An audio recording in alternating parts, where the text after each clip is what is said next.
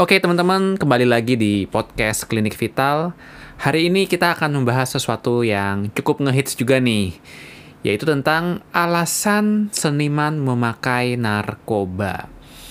Jadi kan beberapa waktu belakangan ini ada banyak tuh seniman-seniman yang ketangkep menggunakan zat-zat terlarang ya ada komika kemarin sempat Coki Pardede terus terbaru Viko Fahriza ada pula musisi seperti Anji sama Ardito nah yang menariknya kalau saya lihat ya dari dulu sampai sekarang itu para musisi dia itu punya alasan-alasan klasik ya tentang mengapa mereka menggunakan narkoba atau psikotropika Sebenarnya alasannya ini menurut saya entah mereka betul-betul menggunakannya karena itu atau cuman kayak formalitas aja ya karena ya udahlah bingung ditangkap mau alasan apa.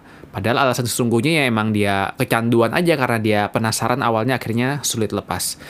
Nah, jadi ada tiga alasan yang paling sering digunakan ya, yang sering saya dengarkan nih di berita-berita tentang alasan seniman memakai narkoba. Alasan pertama itu adalah untuk mencari inspirasi. Ini ah saya rasa nggak gitu bener ya, karena inspirasi itu nggak perlu dicari menggunakan sesuatu, dia akan datang dengan sendirinya bahkan tanpa kita menggunakan obat-obatan bahkan saat kita melamun tenang pun inspirasi itu bisa datang atau kita buat sendiri inspirasi kita memaksakan diri kita untuk mulai berkarya, untuk memulai sesuatu yang baru, untuk melakukan sesuatu, maka kita akan terinspirasi dengan sendirinya. Jadi nggak benar tuh kalau penggunaan narkoba itu akan meningkatkan inspirasi. Saya rasa itu uh, alasan yang keliru. Bukti nyatanya aja nih ya, para seniman-seniman yang uh, di penjara, mereka itu justru banyak yang menghasilkan lagu loh banyak Contohnya saya baca tadi berita Ardito udah bikin tiga lagu di penjara. Jerings itu sempat bikin sampai 10 lagu ya kalau nggak salah. Anji juga sempat. Jadi mereka justru ketika di penjara atau di tempat rehab ya, mereka dirawat dan mereka memiliki banyak waktu dengan diri sendiri, mereka justru lebih banyak menemukan inspirasi-inspirasi dari melihat kehidupan yang baru, dari memiliki waktu dan terfokus. Karena kan mereka di sana dibatasi ya aktivitas dan tidak bisa main gadget. Alhasil ya mereka benar-benar produktif. Jadi alasan menggunakan narkoba untuk mencari inspirasi itu tidak dibenarkan. Justru itu saya rasa alasan yang terlalu dibuat-buat ya.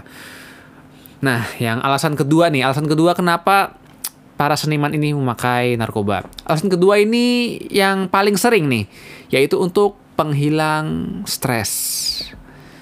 Oke, narkoba, golongan obat-obat psikotropika atau narkotika memang bisa untuk menghilangkan stres. Hal ini didasar hal ini didasarkan karena di saat penggunaan obat-obatan tersebut otak akan mengeluarkan zat dopamin yang sangat berlebih sehingga mereka akhirnya merasa lebih bahagia tapi dampak buruknya dia mereka menjadi kecanduan. Nah, obat-obat psikotropika sendiri memang sering digunakan oleh dokter atau diresepkan pada pasien-pasiennya. Selama itu digunakan oleh tenaga kesehatan yang meresepkan, tentu itu nggak ada masalah. Yang jadi masalah itu ketika mereka menggunakan tanpa resep dokter. Jadi tentang penghilang stres memang betul bisa, tetapi harus sesuai dengan anjuran dari tenaga kesehatan. Gak bisa dong kalau kalian bilang penghilang stres jadi menggunakan narkotika, tapi tidak atas anjuran tenaga profesional itu udah keliru dan salah. Karena ya kalau mendapat yang legal ya memang harus ke dokter supaya apa supaya penggunaannya tuh nggak sampai yang dosis berlebih karena dosis berlebih udah pasti akan berbahaya bagi tubuh dan juga supaya kita menjaga supaya nggak kecanduan akhirnya gitu. Selain itu juga banyak kok sebenarnya uh, reliever atau penenang yang lain kok tidak harus dengan obat kita bisa mencari kegiatan yang lebih positif, mencari hobi baru, melakukan sesuatu yang baru, kemudian bisa mencoba berlibur dan segala macam. Jadi ada banyak cara kok untuk menghilang stres. Kalaupun mau menggunakan media obat-obatan untuk menghilangkan stres, alangkah baiknya untuk konsultasi terlebih dahulu. Atau kalau memang nggak pengen menggunakan obat sama sekali, bisa juga coba konsultasi dengan psikolog.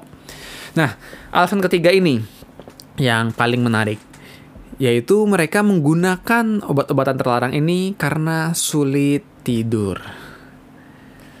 Oke, apakah benar obat-obat terlarang itu bisa mengakibatkan mereka untuk tertidur? Jadi yang benar itu harus bisa kita bedakan ya antara tidur dengan tidak sadar. Tidur itu kalau kita malam ya, tidur terus tidurnya cukup, bangun kan seger tuh ya. Nah, kalau orang-orang yang menggunakan obat-obatan untuk tidur, apalagi obat-obatan narkotika, mereka itu sebenarnya bukan tidur, tapi lebih ke arah tidak sadar.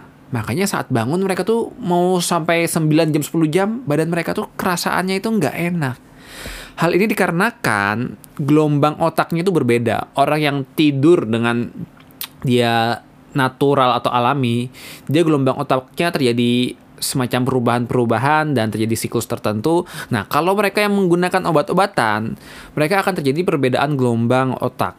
Ada yang mereka tidak mendapatkan uh, tidur stadium dalam yang optimal. Ada yang mereka tidurnya cuma di dangkal aja stadiumnya. Alhasil mereka tidak mendapatkan kualitas tidur. Makanya ketika saya dulu ya waktu uh, sedang jadi dokter umum, ketika saya memeriksa pasien-pasien yang setelah program operasi ya kan mereka di anestesi itu mereka tuh pasti bangunnya agak kurang begitu sehat ya karena kan masih pengaruh dari obat-obatan anestesi yang buat mereka menjadi tidak sadar. Ya jelas uh, mereka masih kurang segar karena kan mereka bukan tidur tapi mereka semacam tidak sadar dan itu harus dibedakan lagi pula kalau memang kalian ternyata ada gangguan tidur atau kesulitan atau kesulitan tidur, coba deh untuk konsultasi ke para ahli untuk mendapatkan dosis yang pas. Tapi sebenarnya untuk bisa meraih tidur yang optimal itu sangat bisa kok tanpa menggunakan obat-obatan. Amat sangat bisa. Masalahnya, gak banyak orang yang mau melakukan tidur tanpa obat banyak orang pengennya ke dokter tuh dikasih obat untuk tidur.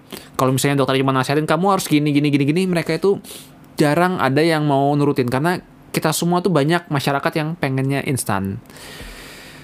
Wah, memang agak sulit ya. Oke, mungkin nanti untuk tips-tips cara untuk tertidur alami akan saya bahas ya di episode selanjutnya. Mungkin itu aja untuk episode kali ini. Sampai jumpa di kesempatan lainnya.